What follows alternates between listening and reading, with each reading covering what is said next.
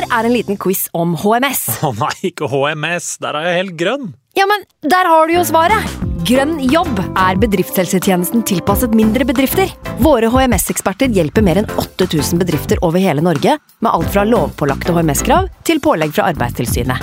Få på plass bedriftshelsetjeneste på grønnjobb.no. Hallo? Jeg kommer fra Oslo politikammer.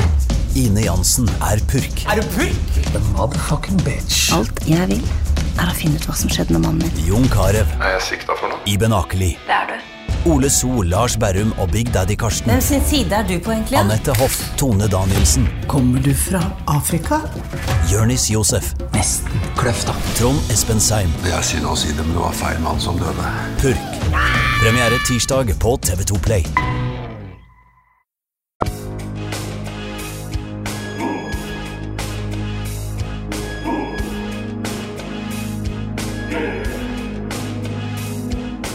Sekstiniende. Den sekstiniende. Den sekstiniende.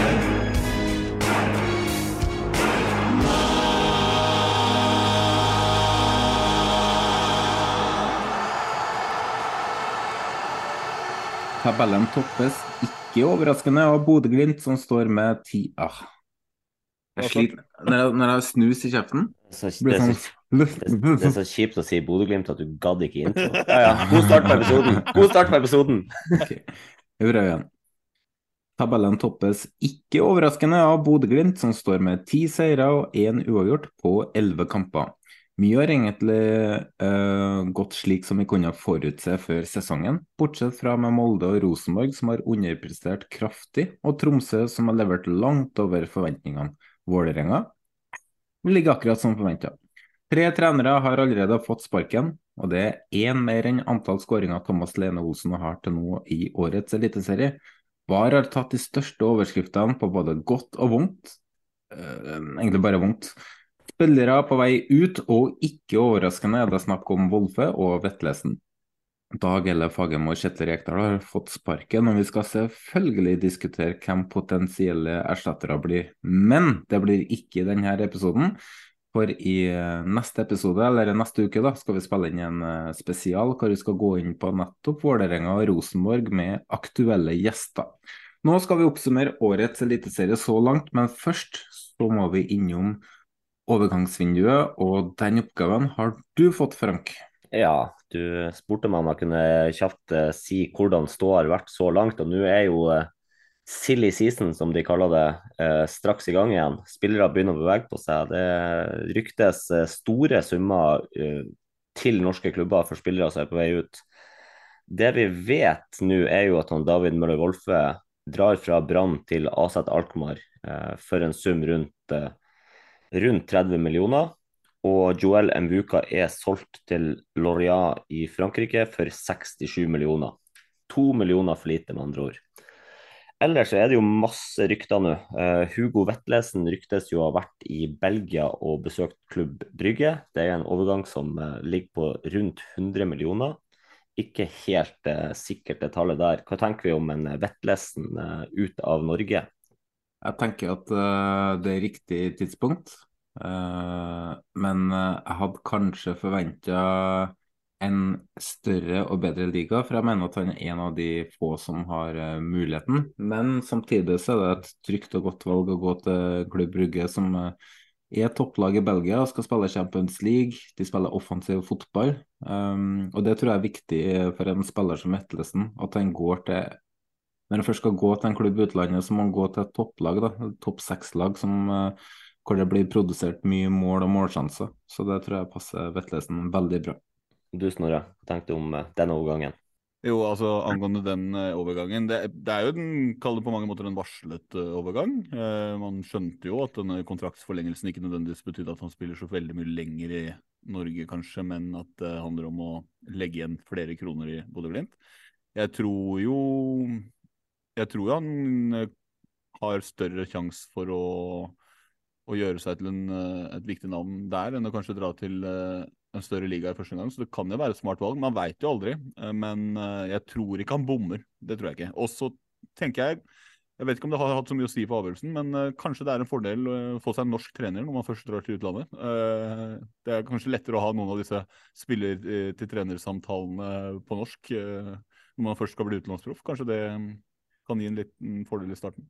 Lettere å En ting som Spiss vinkel var litt inne på, at det er viktig at en klubb eller når du går til en klubb, da, at den klubben har brukt mye penger på det, at du har investert penger. Da, for da, det, da, tror jeg du får flere sjanser, kontra sånn som Bjørkan som dro gratis til Tyskland. og Da er det mm. veldig lett å sette han på benken og, og ikke rett og slett har sjansen på den. Mens uh, når det brukes så mye penger på vettlesen, så må du bare bruke den. Sånn er det jo. Mm. Samtidig så er toppfotballen i Europa såpass brutal at uh, selv om han kanskje får bedre tid, så får han man ikke uendelig med tid. Så det er helt klart han må jo levere relativt raskt, tror jeg også. Men uh, jeg tror det er en smart overgang. Og vi får nå se da om han ender tilbake med Bodø-Glimt, eller om han faktisk lykkes. Jeg heller mot sistnevnte. Ikke minst så går han da til en klubb som regelmessig spiller i Europa. Det kan være viktig for å ta de her neste stegene. En annen spiller som ryktes til en klubb som regelmessig spiller i Europa, er jo Odin Tiago Holm fra Vålerenga, Snorre. Eh, mm. 35 millioner og 15 er det snakk om, stemmer det? Det er uh, ryktene, i hvert fall. Jeg har ikke fått bekrefta fra offisielle hold akkurat det. Men det er Jeg mener det er en god overgang. Fordi Odin Tiago Holm, alle ser hvor god han kan være på sitt beste. Eh, problemet er at siden han kom til Vålerenga, så har han strengt tatt ikke levert sitt beste over tid. Vi har sett glimtis av det, og noen perioder over noen flere matcher hvor han har vært solid. Men eh, eh disse summene man har eh, ja, både sagt litt på tull og litt på ekte, eh, de får du ikke når du er såpass mye skadeplaga og såpass eh, ujevne i prestasjonene, og i tillegg spiller for et lag som driver og vaker midt på tabellen og ikke er i nærheten av å få vise seg fram i Europa. Så jeg mener det er et godt salg. 35 friske millioner uh, inn i uh, Trøim. Ja, men uh, de, uh, de, gjør det jo i hvert fall enklere å kanskje få noen kroner ut. av, av AS. og 15% kan jo også faktisk vise seg å være, være bra. Fordi det er ingenting som tilsier, tror jeg, at han nødvendigvis blir en flopp uh, i utlandet, men uh, Tja. Han må jo Tja, tja. Ja, litt, ska, litt skada og sånn?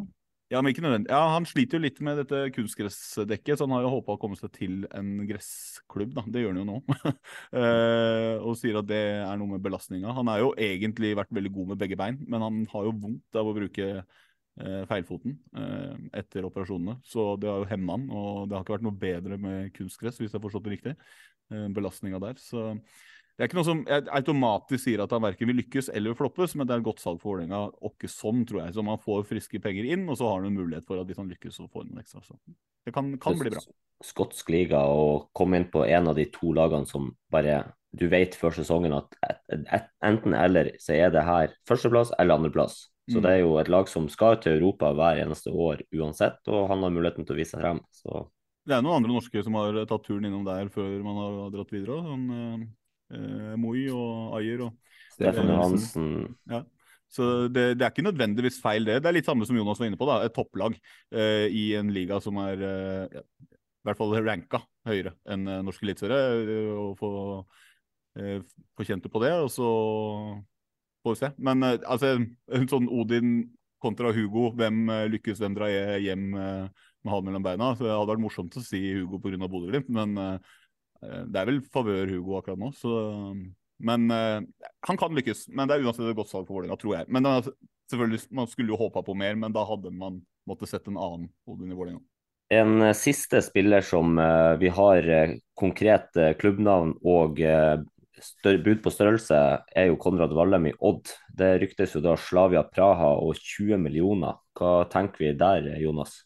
Nei, Vi snakka litt om det for to episoder siden òg, at uh, han har ikke dominert Eliteserien. Uh, så det ligger nok mye scouting bak her. Uh, for det er mange spillere som har gjort det bedre enn Konrad Vallem. Men uh, kan hende han både med pris og Eh, spisskompetanse, ferdigheter, rollespiller, passer inn er, det som de leter etter, da. Men eh, ja, jeg har eh, veldig lite å, komme med fra den ligaen der. Jeg vet ikke hvordan, om de er i Europa eller noen ting. Så Slavia er jo det største laget i Tsjekkia. Ja.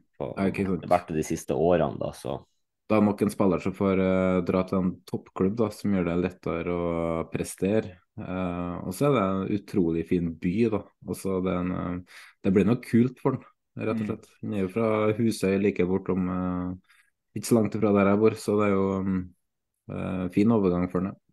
Men Når du snakker om et viktig salg for uh, Vålerenga, så er det et viktig salg for uh, Odd også, for de budsjetterer vel med en god del uh, solgte kroner. Uh, Det er 20 millioner, tror jeg Ja. de har. Ja. Og det å kunne ta det i ett salg, og du veit at du også har en uh, Valstedt eh, som kanskje også glipper i sommervinduet, som gjør at eh, du kan ha landa det du trenger og mer til på de to spillerne, det, det, er, jo- det er viktig.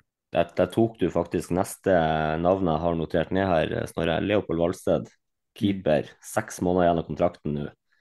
Har vært link- linka ut fra klubben i flere vinduer nå. Det har vært konkrete bud, og han har takka nei tidligere. Det er jo noen rykter nå, uten at vi har det håndfast, at han kan forsvinne nå i sommer igjen. Og da kan de i hvert fall få litt grann penger. Hvor svekka er Odd hvis han eh, Valsted forlater dem, og hvor godt gjør det for lommeboka kontra den svekkelsen? Kanskje vel Jonas får svare på? Nei, altså Odd rykket ned selv om de mista Valstedt, så sånn sett så er det, får de et godt tilbud der, så må de bare ta det. Uh, også keeper er ikke lett å erstatte, men det er mulig å erstatte. da. Uh, ikke at de får inn en like god uh, kandidat, men eh, det er jo fort duka for eh, Rune Jarstein da, tilbake, tipper jeg. Um, men um, og Det er et lite steg ned, det, men han kan jo bidra på mye annet. Um, som rutine, f.eks. Men det er veldig lurt hvis Atte Valstedt har litt is i magen og velger riktig klubb. For uh, uh, enten så sitter han på benken, hvis ikke så starter han. At klubbvalget han nå tar, det tror jeg er veldig viktig for videre karriere og mulig landslagsspill. Da. Så jeg tror ikke han skal gå til noe La Liga eller uh, Premier League eller noe sånt. Han må nok, må nok det, det har vel vært et rykte i vår en gang om uh, typen blir henta inn som tredjekeeper for Liverpool osv. Ja. Så, så har vært snakk om Villareal. Jeg har jo fulgt den veldig tett. Uh, heller ikke en plass jeg tror han har gått inn som førstekeeper. Så jeg tror det er uh, viktigere for han å gå til en belgisk, uh, nederlandsk klubb eller noe sånt, der han kan få spilletid fra, fra dag én. Du tror ikke han går for pengene i stedet for å gå for spillmulighetene? Får, får da penger i Nederland og, og Belgia òg, og det kan være et steg videre. Altså Han er keeper, han kan ha en lang, lang karriere, men han, han må tenke på landslag og, og um, spilletid. Se på Nyland. Ja. Åpenbart en som ikke har tatt veldig kloke klubbvalg opp gjennom, opp gjennom tida. Så eh, viktig for han å gå til en klubb der han skal bli satsa på som førstekeeper. Men du sier jo også, Frank, at hvor svekka blir Odd. og jeg vil tenke det eh, Når du mister eventuelt både Vallem og Valstedt, eh, så er det jo to som er nøkkelspillere for det og har vært det for den vårsesongen her. Så det vil jo merkes. Spørsmålet er hvordan de bruker de penga de har igjen etter det som skal inn i driftsbudsjettet og osv. osv. Om de klarer å finne de riktige spillerne å erstatte det med. Det er det som blir nøkkelen der. Tromsø er jo et eksempel på at det er mulig, da. Mm. En spiller som har litt lengre enn seks måneder igjen av kontrakten, men allikevel går ut i media og sier det at han ikke vil forlenge med Rosenborg, er Carlo Holse. Hva kan det bety for dette overgangsvinduet nå i sommer, Jonas? Eh, det kan bety at uh, Vi vet jo ikke da om uh, det er tilbudet som ikke er godt nok. Om, uh, om hvis en får et forbedra tilbud og lovnader, så kan jo hende at han signerer en ny. Det, det vet ikke jeg noe om. Det er jo førstepri Rosenborg må gå for. gi et tilbud og lovnader om salg hvis riktig klubb kommer på banen. hvis ikke, så må du jo vurdere tilbudene det eventuelt får nå. Um, for um... Det er jo ikke noe tvil om at med 18 måneder igjen av kontrakten, så kan du fortsatt gjøre godt salg. Men med 12 måneder igjen, eller 6 måneder igjen, så begynner jo de mulighetene å svekkes betydelig. Ja, og så er det Hvis det kommer, et, eh, kommer en klubb nå som man er veldig gira på, og Rosenborg sier nei, hva gjør det med han? Altså Han fortjener faktisk en overgang ut nå. Eh, Han, han, har, han har vel forlenga en gang tidligere òg Mm. å gi Rosenborg akkurat denne muligheten til salg. Ja, det var ikke sånn veldig, veldig mye forlengelse, det var vel snakk om et år. Men det var vel mer det at Rosenborg syntes at han fortjener langt bedre lønn enn hva han hadde på det tidspunktet. Så det var litt i å ta, det tilbudet der. Men øh, øh, det er klart at øh, hvis riktig klubb kommer på banen, og riktig tilbud kommer nå, da tenker jeg oppe i 40 millionersklassen, så tror ikke jeg Rosenborg kan si nei til det. Eh, hadde Rosenborg uh, kjempa i toppen nå, så hadde jeg jo måttet sagt nei. Men da ville tilbudene vært langt større, tror jeg.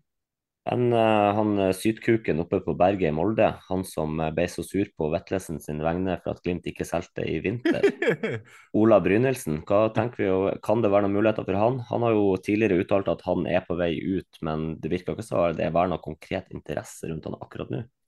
Ja, det er litt sånn som Jonas sier med Rosenborg. Hvis Rosenborg hadde kjempa i toppen, så hadde kanskje eh, Holse-interessen vært eh, naturlig større, og da hadde det svira med rykter. Eh, Molde har jo også slitt, så Og Nei, vi har friskmeldt Molde. Ja, men eh, det, før du friskmeldte de gang på gang, så har de jo slitt. Og Brynildsen med. Han har riktignok fått seg noen eh, kasser. Han ble skutt i rumpa, eller er det via leggen, eller et eller annet sånt. Som, ja, det er hans scoring, men det, det har jo ikke gnistra. Så det er klart at eh, det også gjør jo at det kanskje blir litt kjøligere, den kombinasjonen av Molde sliter. At han ikke, det tok litt tid før han var i gang.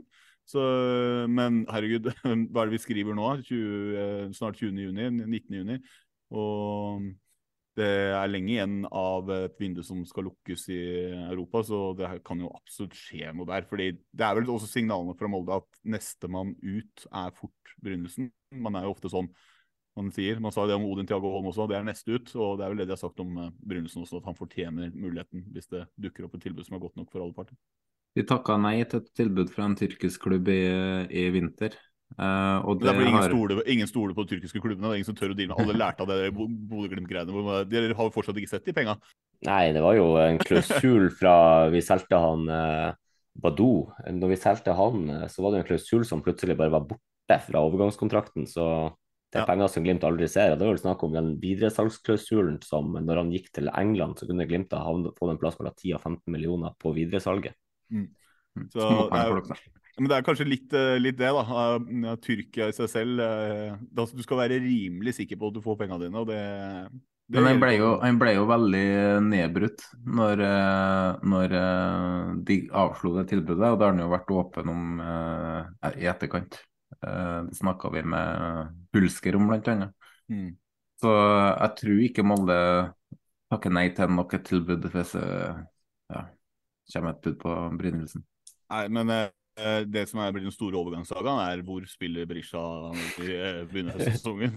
Det er jo fordi, Så vidt jeg har hørt, så har han vel alltid hatt lyst til å spille i Bodø-Glimt. For det eh, har vel alltid vært en guttedrøm for han. Ja, vi, vi får se. Jeg tenker Berisha, Berisha linkes til Hødd etter hvert. Ja. Nei, hjem til Viking. Ja, hjem til Viking.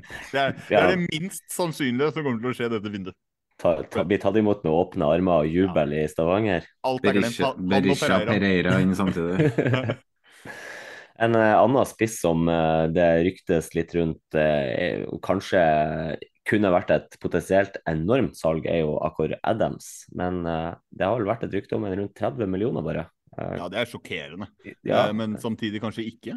Nei, altså liten klubb, da. Det er jo Nei, det var ikke det jeg tenkte på. Ja, jo, for så vidt. Men jeg tenkte mer, mer på det at uh, visstnok så er spissmarkedet litt kjølig i uh... Ja, Den, den jeg hørte uh, hørte de snakka om det i spissvinkel, men sjøl alle klubber eh, ser etter gode spisser.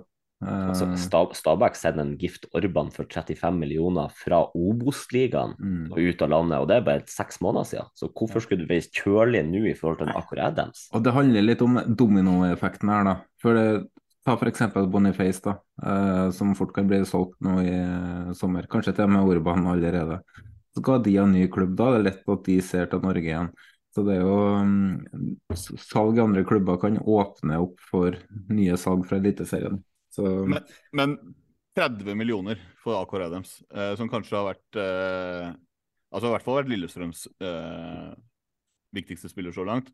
Og en av de råeste spissene i Eliteserien så langt i år. Og Odin Thiago Holm, da, som strengt tatt aldri har levert, 35 pluss 15.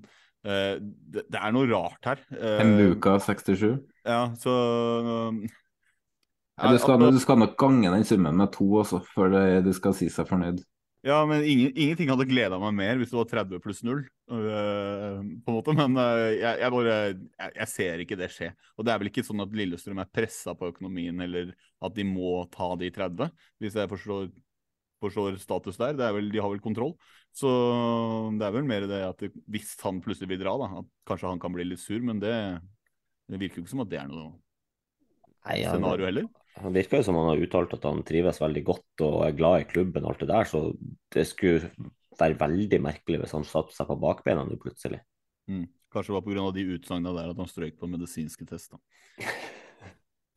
har vi noen flere spillere som er under radaren til klubber i utlandet, som vi kommer på? Nei, på sånn stående fot så, så er det jo ikke det, da. Um, nei, egentlig ikke. Men uh, det er klart at sånn, En spiller som Faris Pemi vil jo etter hvert nå komme på blokka til klubber i utlandet, tror jeg. Uh, og det er jo Albert Grønberg òg. Ja, du skal ikke undervurdere ungdomsmesterskapene, da.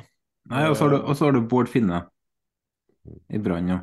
Uh, som har hatt den sesongen, sesongen han har. Uh, det litt, han, er det litt alder, da? Er det ikke mer naturlig at ja, men, kanskje en Horn, Horn Myhre blir lagt merke til? Jeg tenker ikke Tyskland eller Nederland eller noe sånt, da, men det kan komme noe eh, mer lukrativt. da. Um, eksempel, som kan friste Bård Finne at her har du muligheten til å dra ut og uh, tjene dine millioner. Ja, Hammarby, for eksempel. så Molde. ja. Japan, Nei, det, ja, ja for, for, for, eksempel, altså, det, det Bård Finne til Finland. Mm. Ja. Mm. Eh, men eh, som sagt, ungdomsmesterskapene, eller U19, U21-mesterskapene, er det ikke det som går av stabelen nå?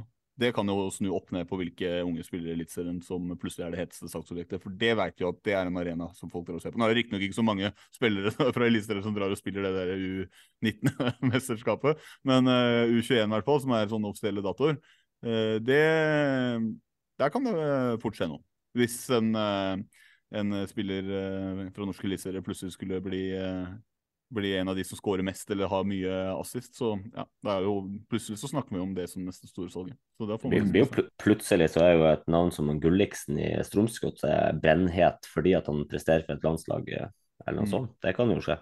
Mm. Men hvis vi vrir på den her, da.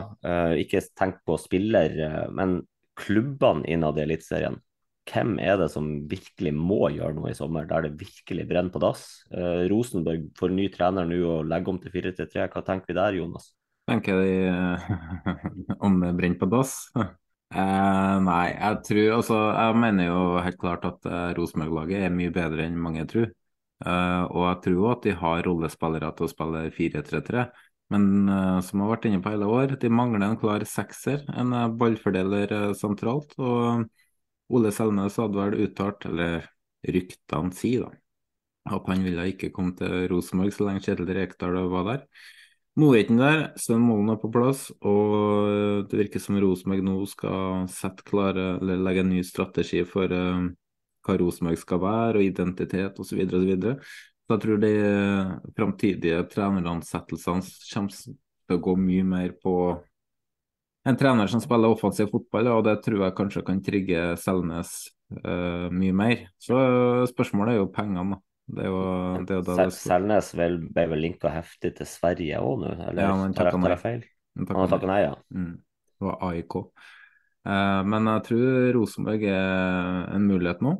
Uh, håper jeg i hvert fall. For han kan løsne opp i mye. da. Fordi det klart, sånn som når, det, når du spiller en treer eh, med én dyp, uh, så må du ha en uh, ballfordeler à la Patrick Berg, f.eks. Um, kan jeg spørre deg om ting? Mm. Hadde du tatt uh, Holse ut cellene sin? I sånn, la oss si at det ikke er noe penger til overs? Ja, det hadde jeg gjort. Uh, fordi Holse forsvinner uansett. Mens, så, så han, han, drar jo en eller annen gang. jo, men du kunne jo henta kanskje to spillere, tre spillere, hvis summen er god nok. Men, men er det, hvis, hvis vi tar den uh, Snorre sitt spørsmål og så følger vi opp uh, nå i sommer, eller ville du kanskje hadde han holdt seg ett år til og så han selges kommet om ett år? Ja, hvis ikke Selnes kommer nå, så trenger han ikke å komme i hele tatt. Altså. Uh, han har tidligere uttalt at han skal komme til Rosenborg før han er over toppen. Uh, så han burde ha kommet i fjor. Ja, det, det, er jo for sent. Det er for sent. Men han er fortsatt under 30. Han har 28-29, så um, han har flere gode år igjen, han. Mm. Men eh, det handler om å ha rollespillere da, i laget. Og Rosenborg mangler helt klart en sekser, ballfordeler sentralt. Og akkurat nå så har de ingen med den spisskompetansen i Rosenborg. Det er ballflyttere eller ballvinnere.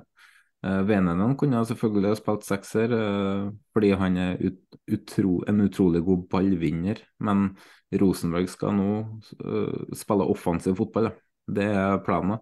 Og da må du ha, ha en sekser som er hjertet i laget, og som styrer tempoet med ball. Men det spørsmålet ditt Franke, var jo um hvem må gjøre noe? Eh, spørsmålet kan jo nesten deles i to. Hvem må gjøre noe, og hvem kan gjøre noe? Fordi det er jo ikke noe, det er ikke noe tvil om at det er store forskjeller på hvem som har penger og virkelig kunne forsterke seg med, med mindre man får noen overraskende store salg. Også ikke, da. Så det er jo sånn det er, det er vanskelig, det der. Det er jo noen som Hvis du ser på tabellen, da, så jeg tenker du jo automatisk at her er det noen som kanskje må foreta seg noe, men har de penga? Det, det gjenstår å se, da.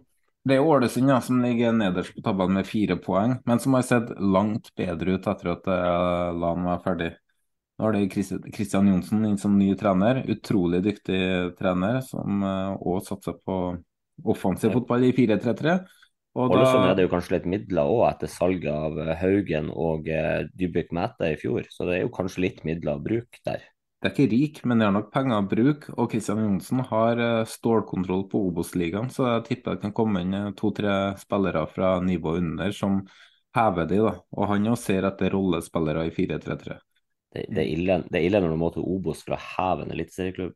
Men, ja, men det, er ikke, det er ikke uvanlig, det. Det er mange gode spillere. Også hvis du finner riktig rollespiller. Uh, hvis du mm. trenger en høyre indreløper som har den og den og den ferdigheten, så har det ikke noe å si hva du heter. Og det kan jo hende at han finner nivå under, da. kanskje to nivå under òg. Eh, så lenge det er en spiller som har den uh, spisskompetansen og rolleferdighetene som man ser etter. Han, Al Alsædi Sandefjord er jo et glimrende eksempel på at mm. du kan komme fra lavere divisjoner. Men det er jo igjen å, å ha kontroll på det der og, og treffe, da. Fordi at det er veldig mange klubber i Norge som har henta veldig mange spillere, og det har vært veldig mange bomkjøp, rett og slett. Og han har og, kontroll. Ålesund, Ålesund er avhengig av treff. Husk at han var i Raufoss som bytta til hele elveren hvert eneste år. da. Og han fikk eh, henta inn elleve nye som uh, passa i de forskjellige rollene, og det gikk veldig bra. Jævlig Så, urutinert å gi alle en enårskontrakt, Ja, men, men, jeg kan i hvert fall ta noen som jeg tror eh, må, eh, hvis man skal eh, av ulike grunner henge med videre. Eh, Vålerenga trenger stopper. Eh, det er ikke noe tvil om. Heggheim ut. Kanskje Vålerengas eh, beste stopper i år. Eller en av Vålerengas aller beste spillere. Har spilt sin siste kamp på lånet. Så de må ut på stoppejakt, tror jeg. Jeg så jo sånne Vikings-supportere som mente at Heggheim burde hentes tilbake til Stavanger. da. Så man kan jo legge det nå på ryktebørsen, i hvert fall. Ja, det mm. kan jo hende. Ja, for det er jo mulig. Det snakkes jo med Brekalo. men uh, Vålerenga Brekalo til Vålerenga? Nei, nei. Jeg mener at det har vært rykte at han eh, kommer Det er mange, mange Viking-supportere som blir veldig overraska hvis Brekalo spiller der i høst. Ja. Og så tenker jeg Brann. Eh, de har jo eh, levert varene, men du skal ikke undervurdere det at de skal ut i Europa også. De har jo snakka selv og påpekt at troppen er kanskje ikke den sterkeste. De må ha ny back. Ja, ja. Må ha ny back også, så de må nok kanskje gjøre noe hvis de skal Men, holde det helt inn. Brann hadde vel også en nærstående avtale med han backen til Sandnes Ulf? Him? Nei. Ja, det var noe sånn, jeg husker ja. ikke nå i farta, men uh, mm. Så det, det, vil jo skje noe der. Og klart Brann med 30 millioner, ikke alt går til spillerkjøp, men ja, de har, de har kapital i hvert fall til å hente noe. Og de, de burde styrke bredden i troppen. Mm. Så vil jeg nevne en klubb til som jeg rett og slett mener må ut og handle nå. Og det er Sarpsborg. De må ha en spiss. Mm. Og får de inn en eh, god spiss, så, så vil de lukte på medalje, tror jeg. Ja, helt, helt enig. Sarpsborg med en ordentlig spiss nå, de ser syl, altså livsfarlige ut rett og slett for de andre topplagene. Det er fort det en som tar en av medaljeplassene da, og det kan være på bekostning av et lag som f.eks. Molde, som ikke tar medalje. Det er én spiller jeg ser for meg Sarpsborg kunne ha passa utrolig godt inn, og det er faktisk Kasper Høeg. Han er på lån i Stabæk. Eh, Åssen eh, dealen der er, om han kan kalles tilbake og så selges f.eks. Det kan jo Men eh, jeg har ikke lest noen rykter, men jeg bare tenker at han hadde passa veldig godt inn i uh, fotballen til Billborn. Billborn. Jeg, jeg, jeg, ser faktisk ikke bort ifra at han Kasper Høeg kunne vært i Glimt neste år. Mm. Det meldte jo jeg for lenge siden. Mm. Faktisk. Men eh, det som også vi var innom at hvis Adams ryker, så er det naturlig å tenke at da skulle Lillestrøm erstatta det. Men kan de heller bare gå tilbake til uh, Lene Olsen som uh, enslig uh, midtspiss der, og heller forsterke ja, og Nå henta du, de jo tilbake han fra, fra start på det lånet, så Lillestrøm har jo sånn sett en reservespiks bak han Thomas Lene Olsen hvis han akkurat deres eh, forsvinner. Mm. Så jeg tenker heller litt mot at hvis han ryker, så er det sånn De er ikke nødt til å måtte stresse for å oppfylle den, for de har jo lagt om for å bruke begge to, men det kan jo funke vel så bra å gå tilbake til uh, noe som favoriserer uh, Lene, kanskje. Og, og, Lillestrøm har jo egentlig en bra tropp, men de har vært veldig skadeplaga i år. Så klart at de har tatt mindre poeng enn jeg hadde forventa, mye pga. de har mista bredden i troppen på, til skader. Jeg blir overraska hvis Bodø-Glimt ikke gjør noe, eh, tanke på at Hugo går også en uke. Eh, det, om det er spillere som går rett inn i laget, det tviler jeg på, men at de ser på dette og fyller hull i stallen sin, det vil jeg tro. Det er jo noen rykter eh, jeg kan ta fra noen interne chatgrupper med Glimt-supportere. Én er jo Iver Fossum inn for Hugo Vetlesen.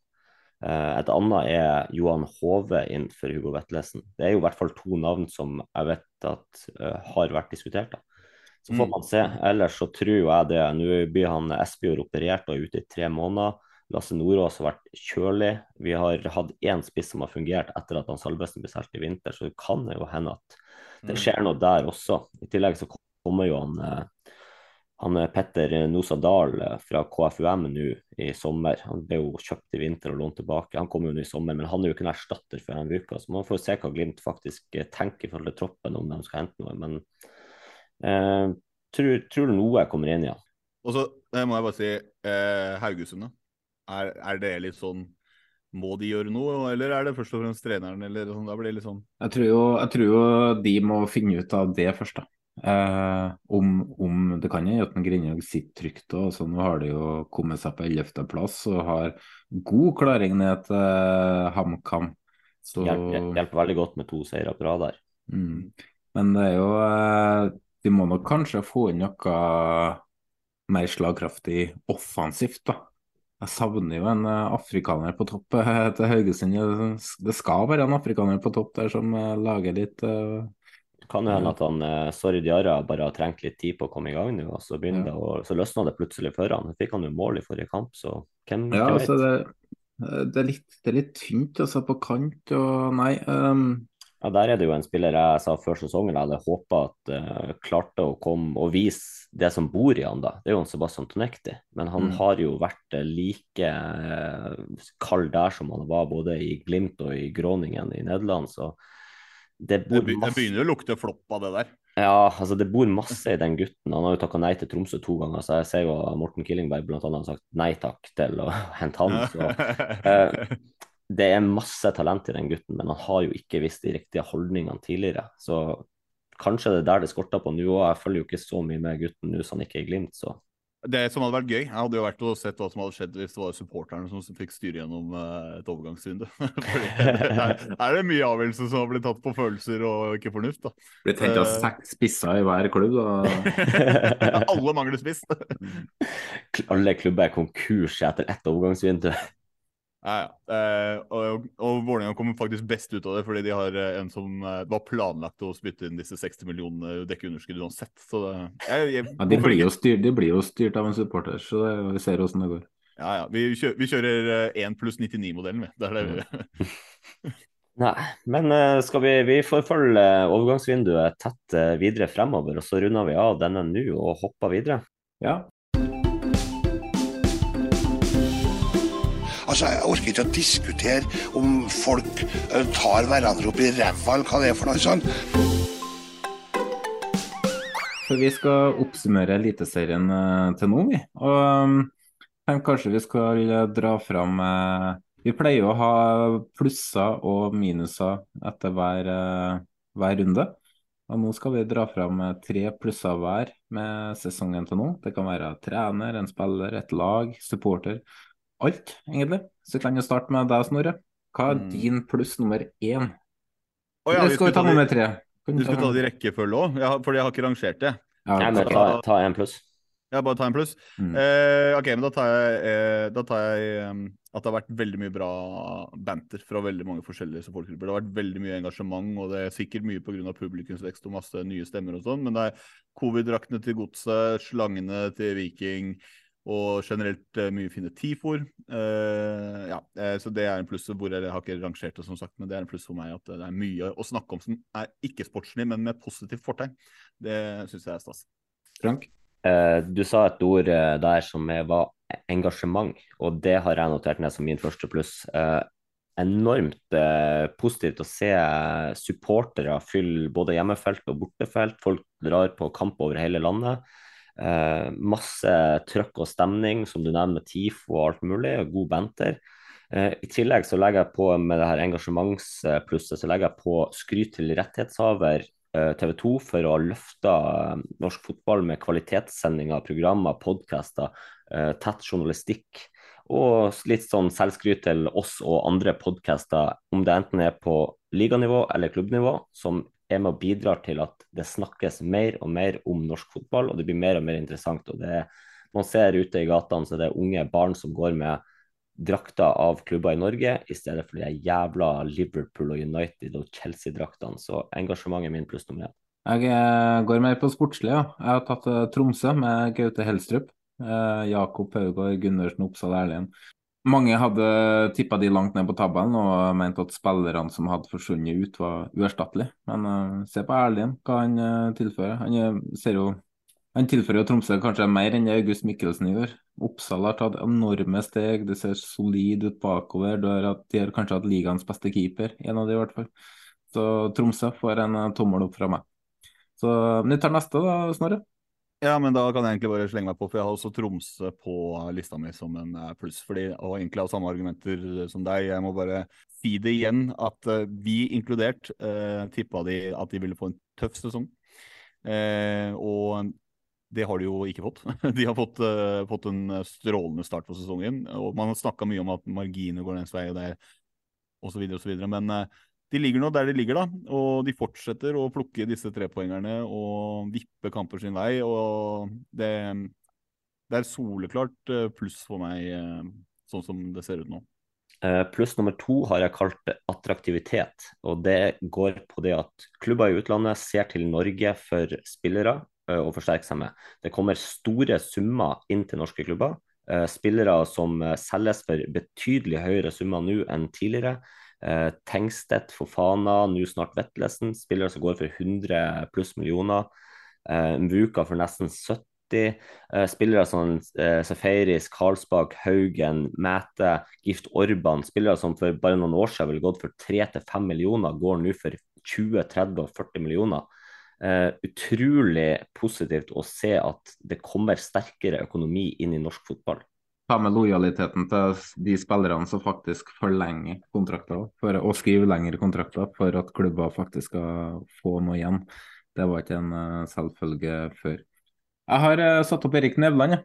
Uh, og det for, rett og slett fordi at uh, i fjor så fikk han utrolig mye pass fra egne uh, etter et hva skal jeg kalle det, tafatt overgangsvindu i fjor sommer. Da satt opp Erik Nevland, Årsheim og Morten Jensen og co. Og deres eh, scoutingapparat.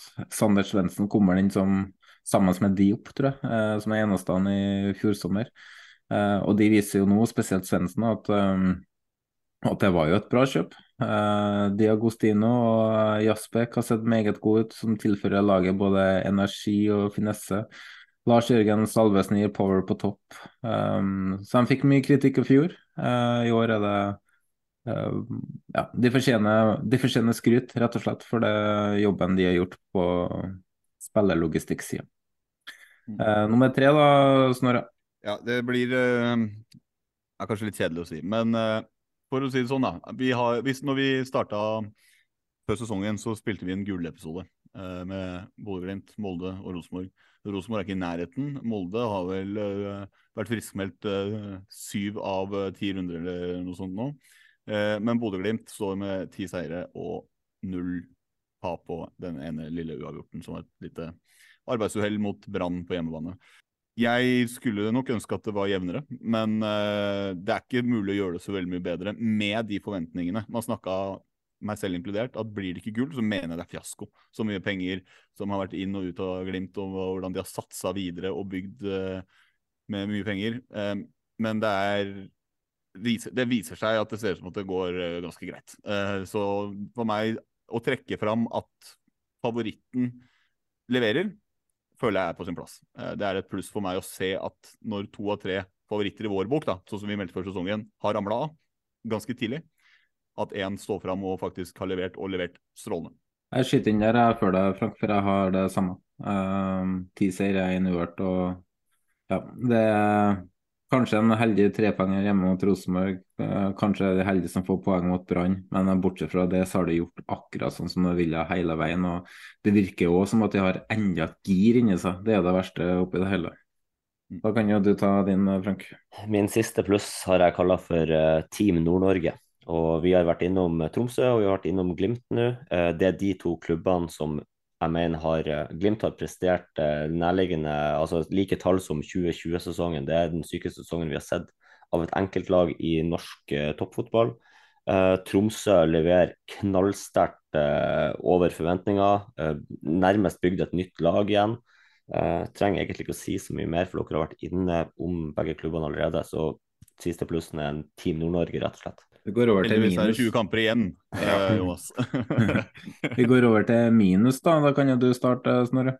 Ja, eh, jeg, jeg regner ta... med vi har, har, det samme her òg, kanskje? ja, eh, jeg skal ta skal, den skal, vi, skal vi alle bare ta den dommer og var eh, minusen? Ja, så bare bli ferdig med den? Ja, Da blir vi ja. to like, da. Ja. ja. Men eh, jeg kan jo dra den som jeg tror uh, ingen av dere har, og det er de utrolig dårlige posevitsene til Jonas. Jeg vil bare legge den. Men det er ikke en ekte en. Den fortjener egentlig å være på lista, men den er dessverre ikke fotballrelatert. Uh, men uh, jeg kommer ikke utenom uh, Berisha jeg, og Molde.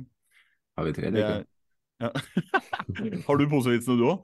Nei, jeg har ikke det. Du syns de er så dårlige, du òg? Jeg, jeg, har posen din. Å oh, ja, du har det, ja. ja ikke sant? Ser du? Siden, siden den blir den lekk og sånn? Det er jo Nei, det må jo skaffe deg en ny pose. Jeg håper du blir kvalt av den sånne lenger. Men uh, uansett, Berisha. Berisha og da egentlig en slags parentes Molde. Uh, fordi det er klart at hadde han spilt for et Molde som hadde vært uh, strålende, så hadde kanskje ting sett noe annerledes ut. Det blir vanskelig å si. Men, ja, men de, både... de, har jo høyest XG i Eliteserien nå. Ja, det, er sånn, det, er, sånn Fagermo-forsvar. Eh, fordi det er sånn Fagermo var opptatt av alle de tinga som man er god på som egentlig ingen bryr seg om når tabellen ser ut som den ser ut etter 30 kamper. Fordi det er, det er, Du får som regel som du fortjener i fotball. Jo, men Poenget mitt er at de har, det produserer jo nok målsjanser til at spissene burde ha skåra masse mål. Ja, Sånn sett, ja. ja, ja. Men uh, det er klart at når uh, det lugger, det lugger jo laget på sett og vis. Det er ustabile prestasjoner. Og, men det er derfor jeg sa Molde i parentes. For Berisha, med den summen, med den overgangssagaen, eh, ja, med de reaksjonene vi fikk fra Viking eh, rundt dette her, eh, og da enda ikke ha fått hull på byllen, nei, minus. Jeg skyter inn her, for jeg skrev eh, jeg har begrunna alle de andre, men på Berisha så skrev jeg bare Berisha. Jeg trenger ikke å begrunne, egentlig. Så Frank? Eh, ja, eh, minus jeg har her er da Når jeg kan si mye positivt om mitt lag, så har jeg Rosenborg og Vålerenga som en minus mot dere, dessverre. Det har eh, vært sirkus egentlig i begge klubber. Det har vært treningssparkinger nå. Ting har ikke gått som det hadde vært håpa og forventa for deres begges del. Og jeg setter da deres klubber på minuslista. Det går jo helt som jeg forventa. Jeg har jo meldt dette lenge. At det her kommer til å gå dritdårlig, og Fagermo kommer til å gå. Det her går jo helt etter planen, Frank. Det her er jo Altså- egentlig en pluss. Det er, det er jo egentlig det. Jeg skjønner ikke hvordan du kan sette uh, Vålerenga på eh, minus, fordi at jeg tippa de på 12., og de ligger på 13. Det er jo akkurat som forventa. Det, er jo, eh, det er jo der det skal ligge. Ja, og så blir det 7. til slutt. Eh, For nå starter Ja, da overpresterer de, ja. Jeg, jeg, jeg skjønner hvor du vil hen, men altså, jeg tror jo at det derre Vi skal inn på Vålerenga-Rosenborg senere, så jeg skal ikke si for mye, men det derre at Vålerenga skal gjøre det bedre, det er jo egentlig, sånn som jeg oppfatter det i Vålerenga-miljøet i dag, det er ingen som trodde egentlig på det før sesongen. Så alle andre har ment at vi skal få det til, men vi har jo sett hvor dette bærer hen. eh, vi som følger det litt tettere. Så vi er ikke overraska. Dette har gått egentlig akkurat sånn som vi meldte på forhånd. Jeg har eh, Rosenborg, da. For eh, hvor skal man begynne?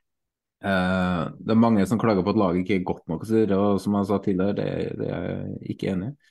Det skal være et lag som skal være med og kjempe om topp tre-fire, eh, men kanskje ikke noe mer. Um, og de skal være et lag som er godt nok satt opp uh, med komplementære ferdigheter. og uh, mangler den sekseren som jeg snakka om. Da. Men uh, det er at en trener som har jakta febrilsk etter løsninger, endte opp ofte med en midtbanetrio som, midtbanetrio som absolutt ikke har forutsetninger til å prestere godt sammen. Da, og da, da går det som det går. Da. Um, det holdt på å løsne litt mot slutten her nå, men eh, så var det ferdig. Men eh, det skal vi snakke om eh, mer senere. Har du flere på begge vi to bør kan kjenne at det egentlig klør etter å snakke om Åh, Vålerenga Rosenborg. mm. Men vi skal holde oss litt i skinnet. Jeg Har en, jeg har en minus ikke tatt. Det er en Ja. til, et til lag, så dere kan få lov til å gjette på hvordan lag det er. Et lag til på eh, minus. Mm. Eh, nei, det kan uh, Strømskose? Nei. Én til på minus. Eh, Lands, Landslaget. Oh, ja. Fordi at det at vi snubla mot Skottland nå, og vi har egentlig sett eh, levert dårlig. Jeg er rett og slett skuffa over landslaget. Jeg håper jo at vi skal se noe bedre i fremtida, men eh, jeg er ikke positiv eller optimist på det vegne av det som leveres der for tida. Frank, dette er old news, dette prata vi om i forrige episode. For, Mm. ja, for én time siden. ja. Uh, men uh, det var en uh, vri. Jeg tok ikke det med i betraktning. Jeg tenkte bare E ESE. Mm. Jeg tenkte jo jeg skulle ta VAR, eh, og så grubla jeg litt på den. Men vi kommer ikke utenom nivået på norske dommere. Eh, Jeg har, jeg, sagt. jeg skrevet dommernivået slash Ja. var på min siste minus. Jeg sagt, eh, jeg kunne sagt VAR her, men eh, jeg tar med hele VAR og dommerstand. For jeg syns nivået er for dårlig, og VAR har bare forsterka det jeg mente i flere år. At eh, det, det holder ikke med at Fotballforbundet tar fingeren ut av rumpa, de må faktisk ta hele armen ut før den gror fast. For nå må det gjøres noe med dommerrekrutteringa. De er nødt til å ta tak og ta det på alvor. Eh, Det er altfor mange dommere som ikke eier fotballforståelse. Og opplever det sjøl ukentlig som eh, trener i andredivisjon. Jeg bruker null energi på dommeren i kamp. Og har egentlig mer fokus på at de trenerne rundt meg da, skal ikke skal fokusere på dommeren og prøve å dra det unna. Men uh, tro det eller ei, der er jeg rolig som faen mot dommerne. Men, uh, men vi ser jo på dommernivået der og, det, og spillerforståelsen deres, og de skal opp og dømme Eliteserien, noen av de i hvert fall, etter hvert. Og, uh, så, så det er lover ikke bra for rekrutteringa, da. Og, eh, ja. og når du ikke eier fotballforståelse, eh, da kan ikke lykkes som dommer, rett og slett. Så eh, jeg satt dommerne der, for var, eh, de leverer egentlig bare som forventa, de. Det, jo, det blir litt som Vålerenga for meg, altså. Det, det er som spådd på forhånd. Og da mm, Så bare for å dra det litt lenger, da. Jeg, jeg mener jo at de pengene de har brukt på VAR, kan de ha brukt på rekruttering i stedet. Se for deg at du er 17-18 år, du går i skole, du spiller fotball, og så skal du kanskje ha en jobb for å ha litt inntekt. Hvorfor ikke da gå inn og prøve deg som dommer? Men da må det være noe å hente på det i forhold til kronasjer, da. Så hvis de hadde økt honoraret til dom unge dommere, så tror jeg vi hadde fått flere dommere. Og kanskje treffer man på et dommertalent. Det, sjansen er større, i hvert fall. Så ja. Hvis jeg skal ta så slenge inn i VAR, så har jeg et annet perspektiv fra det. Eh, fordi ja, det VAR i seg selv har jo fungert akkurat som forventa. I hvert fall for mange, da. For oss som sitter her. Men, men det er jo veldig altså Terje Hauge sa jo 6 av 21 vareavgjørelser var feil. Det sier han i media. Ja, men uh, uansett så er uh, min VAR-variant er opplevelsen av VAR. Uh, det å få kjenne på VAR som en som drar på stadion. For Mm. det er grufulle greier. Altså. Det, er, det, det suger engasjementet ut av tribunen, og det dreper alt av momentum i kamper hvor temperaturen er i ferd med å nå et sånt punkt hvor det skal være. Eh, og så kommer denne vareavgjørelsen, og du, du veit ikke hvor lenge de skal titte på det. For det er ikke noe regel på det. De, eh, du, vet, du, får ikke se det, så du veit ikke hva de ser på. Du får ikke gjort deg opp en mening selv. Du må kanskje, Hvis du har abonnement på TV2 Play, sånn som uh, mange har, så må man gå inn og se, se, det selv, for det vises jo på TV. Ikke telefonbruk på tribunen.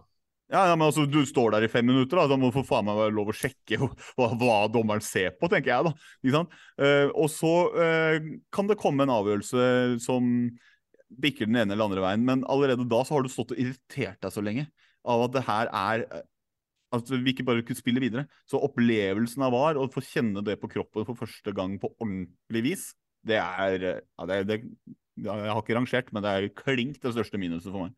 Har dere flere på lista? Det å sitte innendørs når vi endelig har sommer ute. Ja.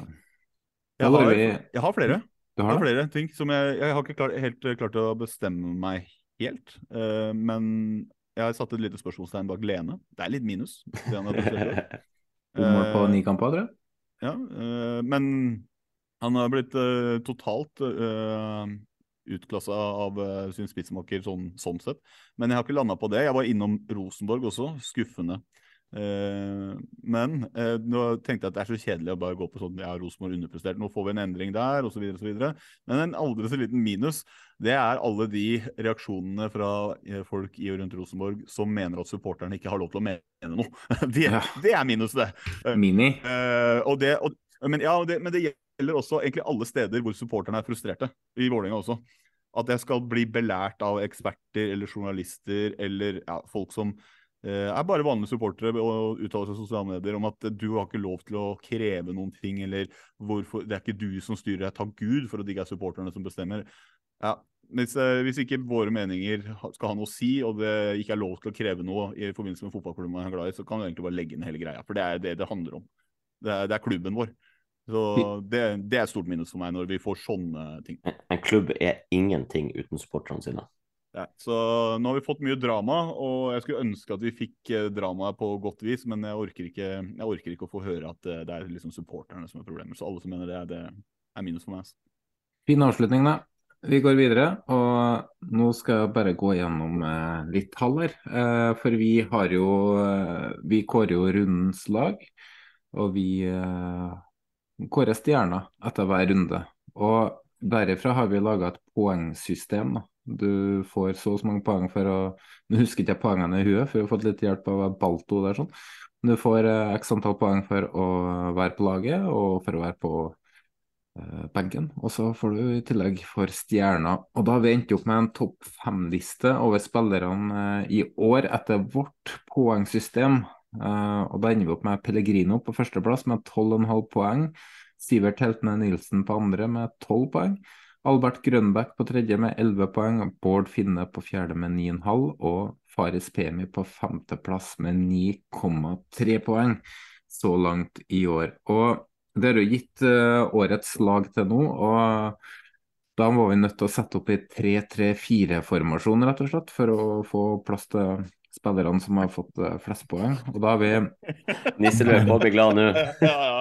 Nisselø på kan uh... 3-3-4-formasjon, ja. Den, den vanlige 3-3-4-formasjonen. ja. uh, det er jo uh, Var det ikke det de gjorde med verdenslaget for det få plass til Haaland og Lewandowski også? Jo da, jo da. Jo da. Men, her er Italia på 70-tallet. vi har Valstedt i mål. Og så har vi Fredrik Bjørkan som venstre stopper. nå, nå klikker jeg for Nisselø på. Og så Brekalo og Utvik som stopper av. Det har jo med at det ikke har noen, vært en stabil uh, høyreback som har levert runde etter runde. Da. Um, og så har vi Heltne Nilsen på midten sammen med Albert Grønbæk og Emil Breivik. Og de fire på topp er jo Bård Finne, Pellegrino, Akur Adams og Faris Pemi. Men nå skal vi komme til vår topp fem. Og um, Da skal vi rett og slett diskutere oss fram til hvem vi mener er de fem beste spillerne til nå i Eliteserien. Så uh, Frank har jo forberedt litt, så vi kan jo begynne med deg, Snorre. ja, jeg, jeg kan jo slenge ut navn som det Jeg kan slenge to navn som jeg mener er eh, ganske vanskelig å komme utenom på en topp fem-liste uansett. Eh, og det er for meg eh, Amal Pellegrino og Akar Adams. De to mener jeg eh, må med. Eh, tredje navn er også for så vidt Bård eh, Finne. Men eh, ja, det, jeg blir overraska hvis ikke de to er på deres topp fem også. Jeg har ikke Akor Adams. Jeg har Den lista Jonas leste opp i stad, den er veldig lik min liste. Jeg har kun ett navn som er forandra fra den lista. Jeg har Amahl Amal Pellegrino på første, samme som den poengsystemet. Sivert Helten Nilsen på andre. Albert Grønberg på tredje. Bård Finne på fjerde. Og så har jeg Emil Breivik på femte i stedet for uh, Faris Bremer. Så du kopierte egentlig bare fjerdeplass, og så tok du et femte navn på hatten. Du har ikke, ja, ikke forberedt noen ting. Du. Men, men Akkur Adams ville vært veldig nærme å komme på denne lista, men han faller akkurat utfor topp fem hos meg. Og all, eh, Akor Adams, Patrick Berg og uh, ja, det er flere som kunne vært i nærheten. Jeg savner en mann, ja. Det er Utvik. Nå har vi liksom eh, Vi har jo Heltene Nilsen, ellers er det bare offensive spillere her. Jeg syns det er litt kjedelig uh, å få med noen defensive. Kom deg keeperfyren. Du har grytebust på laget, du. Nei, på ja, uh, uh, det er bra, bra comeback, Jonas.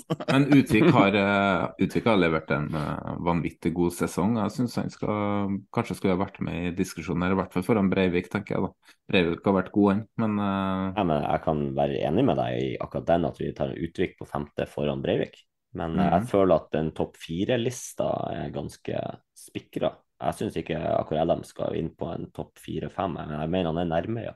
Ja, han er nok nærme. Den er vanskelig, den er, for det er jo Ja. Enig i Grønbæk. Uh, Grønbæk har uh, Han har liksom aldri vært best, men han har alltid vært topp tre. Hvis du mm. skjønner. Han jeg tror ikke han har fått stjerne så langt i år av oss, men han har alltid vært blant Bodø-Glimts beste i nesten alle kamper, minus én, hvis jeg ikke tar helt feil. Det kan stemme, ja. Han hadde én eller to litt svakere kamper, men mm. han har vært knallsolid for Glimt, og viktig for at Glimt har tatt så mye poeng som de har tatt. Samme som Heltene Nilsen, de to mest stabile spillerne eh, til nå i år. Mm. Så jeg syns de Pellegrino har vært eh, noe svakere i enkeltkamper, men har jo mm. igjen vist et vanvittig toppnivå i forhold til resten av ligaen. Det er, det, er, kanskje der jeg, jeg, jeg kan stille meg bak Rønbeck, jeg også, det er ikke det. Men eh, jeg syns det er litt kjedelig. Liksom å velge han som på en måte bare er jo, men han har vært så god. Det det ja, men jeg, jeg, jeg syns det er litt kjedelig. Da syns jeg det er morsommere å klinke inn en sånn uh, akkurat en spiss da, som uh, bare er, du, som har blitt overtidskongen, liksom. Ja, han har noen dårlige minutter her og der, han òg. Noen kamper hvor det lugger litt. Men jeg syns det er morsommere. Altså. Altså, han, han, har vært, han, har jo vært så viktig for Lillestrøm, han også. Så det er jeg, jeg, jeg, skjønner hvor dere vil med Grønbekk, jeg gjør det. Men jeg syns det er litt kjedelig. altså. Jeg gjør det. Men, men, det blir jo fort litt kjedelig når du skal sette opp de beste spillerne, og ett lag har 31 av 33 poeng. Det er jo ikke unaturlig at det er mange spillere fra det laget representert høyt oppe på børsa. Vi kunne, vi kunne ha sagt Patrick Berg òg på en sånn liste, f.eks. Mm. Det, ja, ja, er litt, men det er litt kjedelig. Det er litt kjedelig. Så det er derfor det blir sånn åh, kan, kan, kan ikke gjøre det litt gøy? Kan ikke gjøre det litt gøy? Jeg syns det er kjedelig at han spiser bare fordi han skårer med mål, som Adams. Ja, men ja, ja, men jeg liker mål, da. ja, Grønbæk regisserer dem. Liker foranledninga til målene. Det... Ja, men eh, hallo, eh, jeg sa jo at jeg stiller meg bak det. Jeg bare, ja. det, det, det er bare poenget ditt med det der at uh, han er aldri best. Men han er alltid, så, alltid knallgod. Da blir det liksom List, ja. Liste bare for å få kjappgangen. Listeåret som nå Pelle, Pelle, Heltne Nilsen, Grønbæk, Finne og Utvik. Han står bak den, ja. Er vi enige i rekkefølgen, da? Ja. Ja, det er eneste, eneste om du skal utvikle over Norge står og gaper nå, men jeg får ikke noen ord ut. Nei, jeg prøver å, prøver å si eh, Jeg prøver å få plass til uh, Suta her. jeg bare lurer på hvem som skulle om det var Pelle eller Grønbæk. Hvis vi skal nevne en fra Vålerenga som har vært jævlig god i år, som faktisk eh, kunne vært vurdert inn på et årets lag, så er det jo eh, Bjørdal. Kan jeg bare få skyte inn én fra Rosenborg? For det høres ganske sykt ut. Det er jo Reitan, da.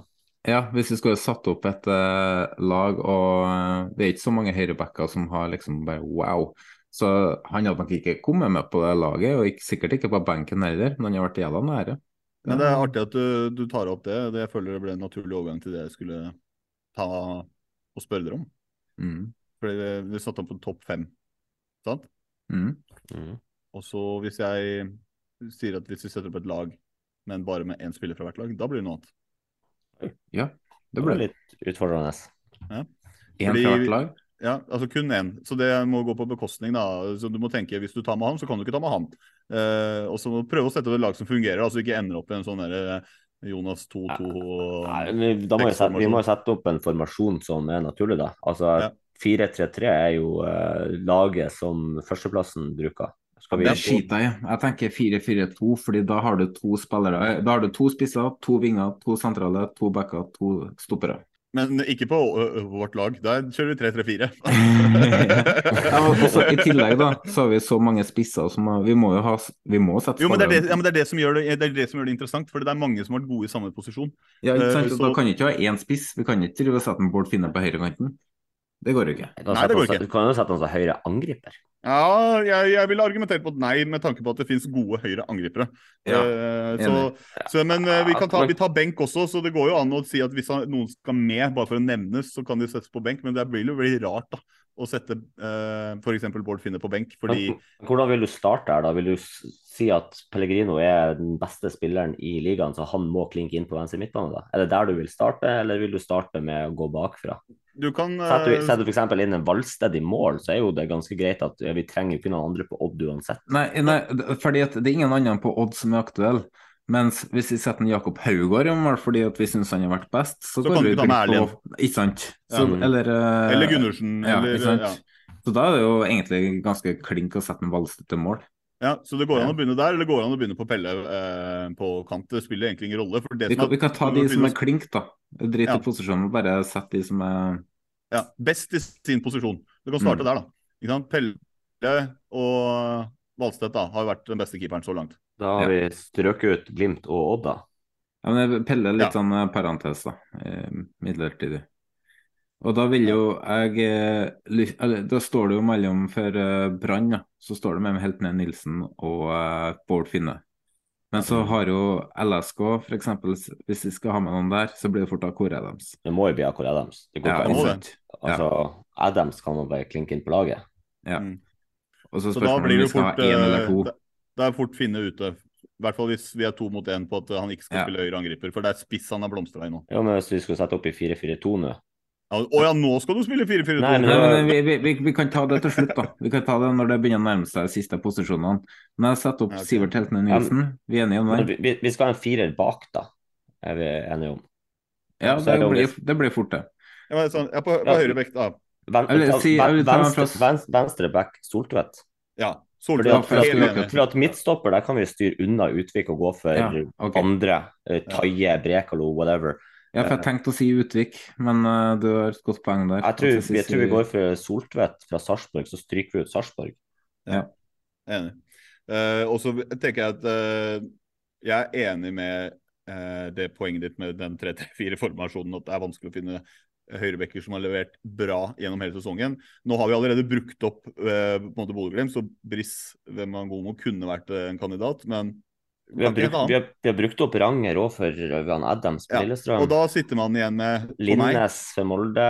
Eller skal Breiv, skal Breivik inn på laget? Ja, ikke sant? Men jeg tenker Dahl Reitan. Han har vært uh, solid. i et, Han har vært, eh, han har vært bra. Og så Ja, Rosenborg da- ligger på niendeplass, og de skal ha med elleve spillere. Det blir fort topp elleve, ikke sant? Uh, og han- Reitan, Reitan inn for å få bort alle Rosenborg-alibiet, da? Ja, det var så mange der. Mm. Um, og så har vi Viking, da. Eh, Ja. Viking har jo levert bra. Um, Jeg, jeg tenker at Brekalo er naturlig å Ja. få inn uansett. Jeg, vi trenger ikke å se på andre posisjoner hvis vi kan få en stopper av Brekalo sin klasse inn på dette laget. Men eh, det bør nevnes at man egentlig bør også vurdere Sanne Svendsen. Fordi han har også vært bra. han har vært Ja. litt på Ja, benken det siste. Men han har vært mye av på, da. Sander Mm. Svendsen sitt toppnivå har vært skyhøyt, men han har jo ikke spilt så masse.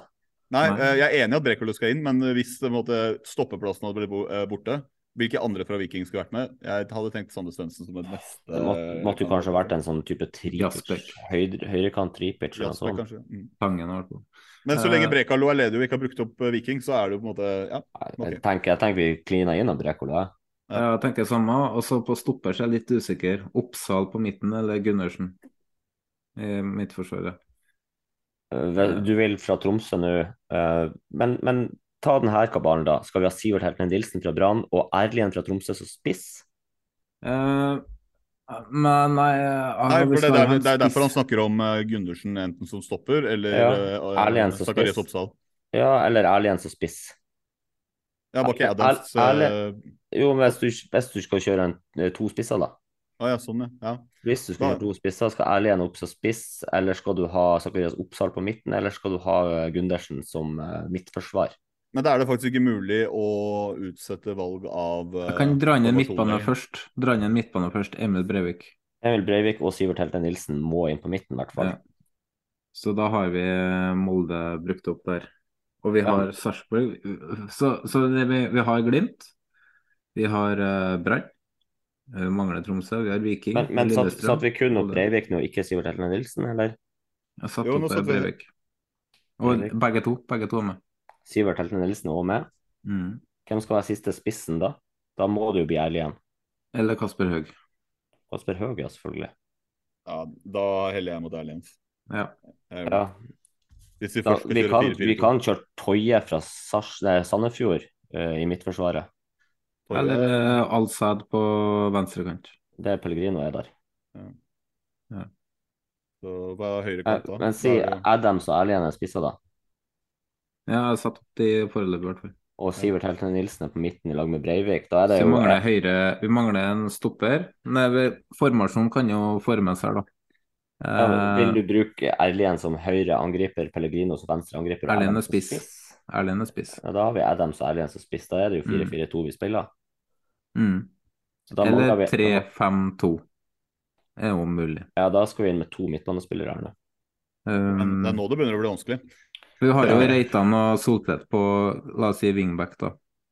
Og så mangler vi to stoppere. Uh, vi har Jeg tenker uh, Toje hadde uh, Men hvis vi, ikke gjort seg bort. hvis vi skal inn med en til midtbanespiller her nå for å få inn det, da. Bjørdal fra Vålerenga. Ja. Så om du vil bruke da Bjørdal som høyre midtbane, eller om du bruker han i en treer og får inn en høyre wingback eh, slash wing på den siste. Om du vil ha en stopper, eller om du vil ha en eh, At du bruker Bjør, Bjørdal f.eks. på høyre midtbane, og så har du f.eks. en Toje fra Sandefjord i midtforsvaret. Etter det sjølmålet mot Haugesund. Ja, eh, andre som ikke brukt klubber, da. Valsvik. Stabæk. Ja, øh, hvem det blir da? Er Pedersen? Nest, nest eller Pedersen? Men nå må vi faktisk bare bestemme en formasjon, og så må vi sette det ut fra det. Fordi Jeg, jeg, man kan, jeg sier, altså Bjørdal er topp Jeg ten- 15 tenker spill- et forsvar- spiller i Eliteserien i år, så Bjørdal vil jeg ha inn på laget her, da. Hvis Og jeg vil, ha, jeg vil ha Gundersen, fordi han er jo fort på årets Han er jo aktet på årets lag, eh, og de har hvis Bjørdal går inn, så må Erlien ut og Gundersen inn i midtforsvaret. Og så må vi Mm. finne en høyre, høyrekant. Så Gundersen inn på laget, da. Ja. Gundersen inn i midtforsvaret, og så er Da har det vi da fireren bak. eh, Bjørdal inn på midten. Da har vi treeren der. Og så er det da Pellegrino på venstrekant, Adams og spiss, og vi mangler en høyrekant, da. Ja, Og da er spørsmålet Men er? Bjørdal inn på midten. Da har vi tre Vi har fire på midten, og Bjørdal, Breivik, Mm. Nilsen, Pelle. Ja, men Pelle mangler blir jo Pelle, Pelle blir venstre kant nå, så mangler det en, høy, mangler en, Mangler. høy, Mangler bare en spiss. mangler en høyrekant. høyrekant. Spiss. Eller 4-4-2. Ja, høg, Nå, nå er det 4-3-3. Ja, vi skrev høg, da har vi laget, da. høg som spiss, eller uh, Bjørdal er høyrekant. For vi har Breivik og Ja, Bjørdal. Jonas, hvis vi kjører 4-3-3 nå Å ja. Nei, nei, alternativet er skal vi ha inn en høyre kant, eller skal vi ha inn en spiss? Da er det høg opp mot en høyrekant, ja. ja, altså Hvis man skulle først kjørt en høyrekant fra Vålerenga, så ville jeg ikke kjørt Bjørdal. Fordi han er eh, indreløper og har vært Mm. Det er der han har vært god. Da hadde man kjørt Håkans. Det er det nest beste alternativet fra Vålerenga. Men da er spørsmålet om det er noen andre høyrekanter som er bedre. Men er det alternativet da å kjøre en tripic inn på høyre, og så stryke han Brekolo fra midtforsvaret, og få inn en midtforsvarer? En, uh... Jeg tror at Hvis vi begynner å kødde med Brekalo nå, så kommer bare hele laget til å kollapse. så, men uh, altså, jeg tenker 4-3-3, for det er enklere. Da må vi Men- finne én posisjon til, og det er høyre angriper, høyre kant. Ja. Og da har man laget. Hvis man finner den beste av de man har igjen, da har du en Haugesund, Ålesund, Stabæk, eh, HamKam og vi har, har vi Toye der nå ved inni der, ikke sant? så der er det Nei. Godset. Ikke Toye. Ikke Toye. Vi kan sette Malsad på høyre kant, vel? Ja. Ja. ja. Al høyre høyrekant. Ja, da har vi laget, da. Da har vi Valstedt til mål, Reitan og Soltvedt på hver sin eh, back. Brekal og Gundersen som stoppere. Har en midtbanetrio med Bjørdal, Breivik og Heltene Nilsen. Heltene Nilsens anker, da. Ja. Og så har vi Akor Adams på topp med Pelle ut til venstre og Alsæd ut til høyre. Kjapp på benk, da. En reservekeeper, tenker jeg Egil Selvik. Ja. Men eh, ja, da må, vi må jo plukke fra de siste lagene som er igjen, da. Eh, Ja. Eh, det er ikke mange som har utmerka seg i, uh, Kasper Høeg. I HamKam, men uh, Mel Galvis eller Udal, da. Selvik og Høg. Uh, Mel Galvis, Mel Mel Galvis har fra, Mel fra HamKam er fin, ja. Ja, den er det. Ålesund, da. Er det noen andre enn Atanga? uh, Fallmann, kanskje? Nei, jeg vet ikke. Ja, kanskje. Du må se litt på balansen her. da. Du kan ikke ha fire spisser på benken da, når vi først er nøye, nøye på laget. Så Nå har vi én keeper, og så har vi Høg, det er én spiss. Vi mangla eh, et lag til i tillegg til Ålesund. Hva er det siste laget vi mangler i tillegg til Ålesund? Det er Godset, ja. Eh, hvis du tar Valsvik fra Godset som en tilforsvarsspiller, får du en midtbane eller en angriper fra Ålesund. Ja, Valsvik har vært god. Ja. Eh, så Selvik, Valsvik, Møy Galvis. Høg og en Høg. til. En, Ålesund. en Ålesund-spiller, da. Tana Tanga, da. Atanga. Enig. Da har vi laget, da. Faen for er- Jeg tror det laget hadde fungert bra, jeg. Ja. Midtbanen er ganske bra bygd opp på. Mm. Det ser ut som et sånn bare- typisk eh, brannlag i 2009, det her, egentlig. altså, folk får helt sikkert reaksjoner på at vi satte oss på høyre fordi vi ikke orka å finne en annen høyrekant og Stockholm på hele laget. Kant er kant. Kant er kant, det. Er det du pleier å si. Han kan spille Nei, bra lag. Hør. høl. Bra lag. Hvis vi skulle ha satt opp årets lag til nå uten restriksjoner, hvis vi klarer å gjøre det veldig kjapt, klarer vi det? Jeg satte opp et forslag eh, fra egen del, da, men jeg satte opp i 3-4-3. Kjør opp eh, laget ditt, da, så kan jeg og Snorre korrigere det. eventuelt. Ja, jeg har eh, Valsted i mål. Så har jeg. Ut, Utvik, Brekalo og Gundersen som tre stoppere. Jeg har Breivik, Helte Nilsen, Grønbæk og Pellegrino på, som utgjør midtbanen. Og så har jeg Finne Adams og PM på topp. Og det er jo ikke det er jo ikke satt opp etter at det skal være en wings og wing, det er jo tre angrepsspillere, da. Og Breivik er jo høyre midtbane i den her. Også, Det her er, fi, er Fifa-lag. Ja, det der. og så det Ja, det, det her er jo bare satt opp etter de spillerne jeg syns har vært best. Det skal jo ikke fungere. Og så på benken så har jeg Haugård i mål. eh, Soltvedt, Bjørkan, Vetlesen, Berg, Horn Myhre og Erlien. Og det er jo mye av det her laget er jo bygga opp på de fem, seks, sju beste klubbene hittil i Mm. sesongen. -hmm. Jeg mener jo at et årets lag det bør settes opp etter uh, hvor man har uh, spilt den osv. osv. Men i 3-4-3 så har du egentlig satt opp Pelle som wingback nå. Ja, eller venstre midtbane, ja. Mm. Mm. Og det, det funker ikke for meg, da. Da skulle han ha vært én av tre på topp. Jo da, det er jo der du kan jo stryke en eh, Du kan jo stryke en Faris Pemi, sette en Pellegrino opp dit og sette inn på en Hugo Vetlesen eller en Patrick Berg. Mm. Eller Aya Sidiata. Ai, ai. Sidi, Og det er det tynt- med Vålerenga og Rosenborg på laget til Frank. Det er, Eh, ingen fra de klubbene, nei, men det sier vel også litt om Ingen skal være med. tabellplasseringa deres. Det er jo som vi, det laget vi satte opp nettopp i forhold til at det er én spiller for hver klubb, så er det jo han Reitan som ville vært nærmest, og han Bjørdal som ville vært nærmest. Jeg syns Bjørdal har vært veldig god eh, så langt, eh, og han blir ikke snakka nok om fordi at Vålerenga har levert dårlig. Mm. det er eh, riktig. Nei, det. eh, hvis vi går tilbake til laget, da. Jeg er enig i Valstedt i mål. Den er ganske jevn med Haugård. Um, enn de tre stopperne jeg har satt opp, da. Utvik, Brekal og Gundersen. ja. Eh, Det er vanskelig å være uenig i det. Så, så Gundersen, Brekalo og, og Utvik. Mm. Eh, men da må vi ha inn wingbacker. Ja, det er jo kanskje Linnes og Bjørkan, da. Ja, det er jeg for så vidt enig i. Og så eh, Linnes til høyre har vært, en, eh, vært bra. Eh, to sentrale er jo Heltene Nilsen, sa ikke det? Ja, Helte Nilsen og Grønbæk. Mm, enig i det. Eh, men hvis jeg skulle ha gjort noen endringer her, så hadde jeg kanskje vurdert å dra ut en stopper eh, for å få um, for å få um, kanskje Patrick Berg inn på midten. Men Ja. ehm, Da, altså, Utvik skal være på laget. Han har vært den beste, stopp, beste stopperen til nå i år. Uh, jeg sa forresten Patrick Berg som wingback, men jeg ville heller si Soltvedt, kanskje. Uh, satte, sa- satte Patrick Berg som wingback? Nei, jeg sa Bjørk, Bjørkan, mener jeg. Jeg sa, Bjør, jeg sa Bjørkan Ja. i stad, men jeg ombestemmer meg til Soltvedt der. Uh, De er kliss like, da. Så Ja. Alle er fra Bodø, har samme mor og far. ja, det er helt sikkert i slekt. Så har du, jeg tenker i forsvar, da. Du har Viking med 19 baklengs opp mot Tromsø på 10, da. Ja, Brekol eller Gundersen, jeg kan godt gå for Gundersen, altså, men jeg syns de to er veldig like i forhold til hvor gode de har vært. Han Brekalo, han Når Viking har vært eh, dårlig, så har Brekalo vært god. Mm. Eh, Det er jeg enig i. Um, og så har han skåra mål, da. Så. Men um, et, hva tenker du, Snorre? Berg eller Brekalo?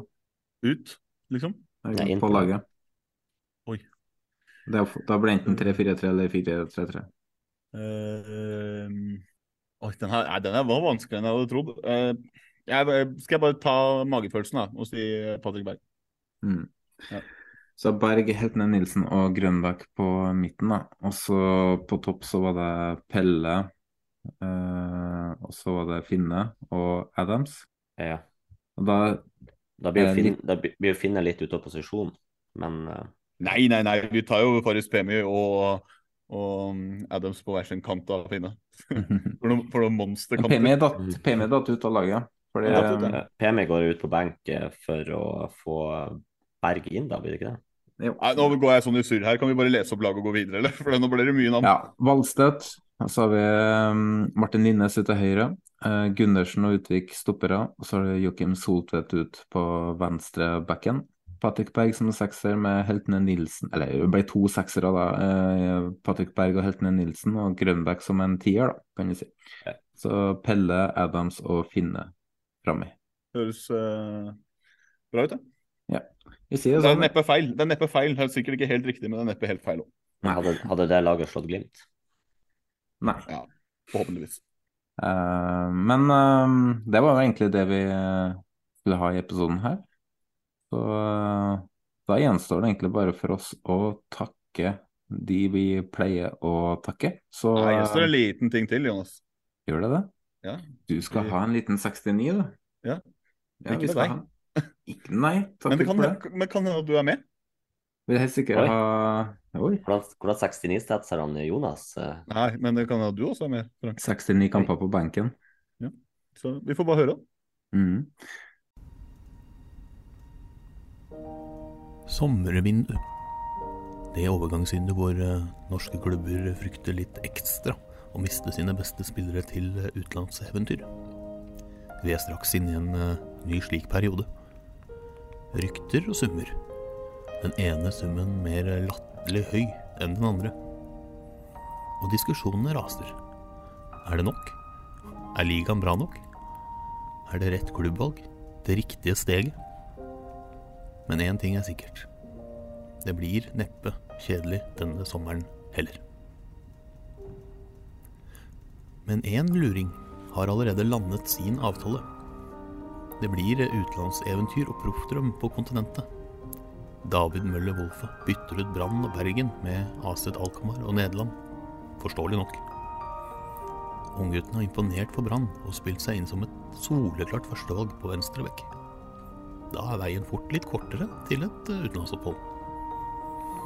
Møller Wolfe forlater også et brann i medvind. Og Bergens naboland Norge håper selvfølgelig det rakner fullstendig uten ham, slik at vi kan spille Ja, vi elsker på full guffe og glemme alt som heter nystemten for en periode. Bare en eh, liten digresjon, det der. Men det betyr at Møller Wolfe, eller Wolfie Boy, som Frank pleier å si, har spilt sin foreløpig siste kamp for Brann. Totalen 69 kamper. Det var ikke mer som skulle til før 69-gudene gjorde utenlandsproffan. Så derfor, David Mølle Wolfe, eller Møllebelle, som Jonas pleier å si, ønsker vi deg velkommen til 69-himmelen. Hvor opp er ned, og ned er opp. PS. Kommer du tilbake og flere, får flere kamper for Brann, så ryker du rett ut igjen. Rørende 69-himmel fra eh, Snorre der. Nei, det var det ikke. Det var, det var ganske gøy, da. Det var, Det var gøy. der, der er du sterk. Du er god på det der. Du er god når du kan. Så um, ja, eh, det var det vi hadde i episoden her. Vi skal spille inn episode neste gang på mandag. Da skal vi ta for oss runde 11 i Eliteserien. Og da begynner det å nærme seg at Snorre er ferdig med master, sånn at eh, Og viktig, han viktig, Når vi spiller inn, så si er jeg neste ferdig. Runde, neste runde så skal VAR funke perfekt. Ja, ikke sant? Og for alle, ikke bare de som har den ekstra kampen. Ja. Og da Snorre er er ferdig ferdig, med Jonas. Ja, da er det ferdig. ferdig, så da kan Snorre begynne å være ordstyrer igjen. Så kan jeg sitte og melde i stedet. Jeg er helt sikkert dritings, da. Ja. Det er jo den samme dagen som jeg leverer. Eh, og så skal vi spille inn en episode midtuke neste uke med aktuelle gjester fra Vålerenga og Rosenborg, hvor vi skal diskutere det som har skjedd i de to klubbene. Så det blir en liten eh, spesialepisode der for spesielt interesserte. Det blir en firetimers, det. Det blir 44 timers. Så må vi takke Jesper Horten Kjærnes for outro og jingler, Vestfold Lydstudio for, for intro, Iver Steinsvik for utstyr og Jan Erik Balto for design og merch. Takk til Og deg, Frank. poengsystem. Og poengsystem. Poengsystem. Takk til deg, Frank. Sjøl takk, eh, Jonas. Takk til deg, Snorre. Du får den, du takk, den denne gangen. Så ses vi. Ha det bra. Ja. Hei da!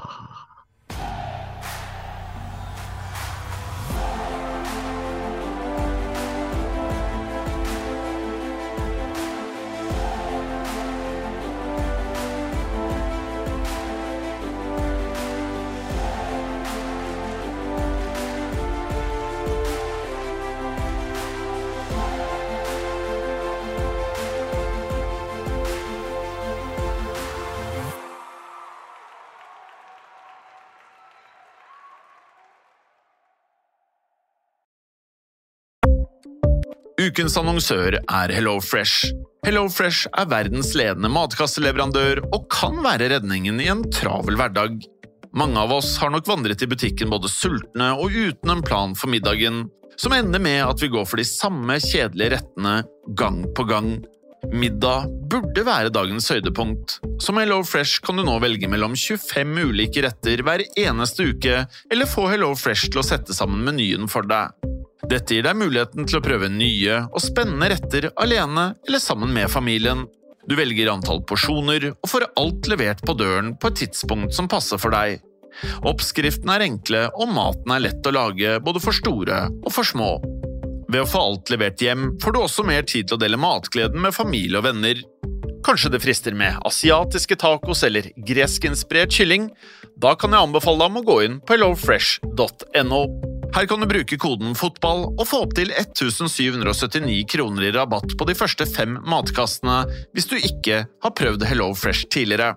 Du kan også bruke rabatten hvis du har vært kunde og stoppet abonnementet ditt for tolv måneder siden eller lengre. Gå inn på hellofresh.no og bruk koden FOTBALL.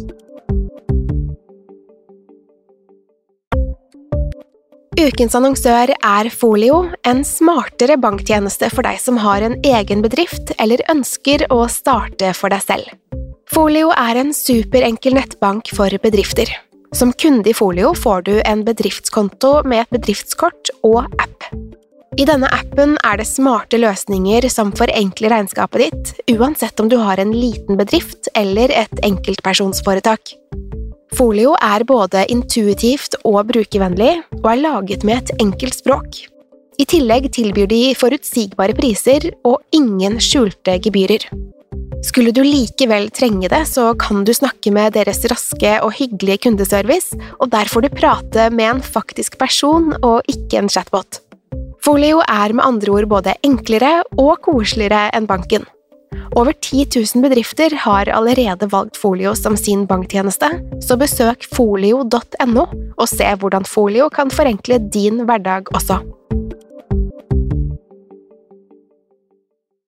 Har du et enkeltpersonforetak eller en liten bedrift? Da er du sikkert lei av å høre meg snakke om hvor enkelt det er med kvitteringer og bilag i fiken, så vi eh, gir oss her, vi. Fordi vi liker enkelt. Fiken superenkelt regnskap.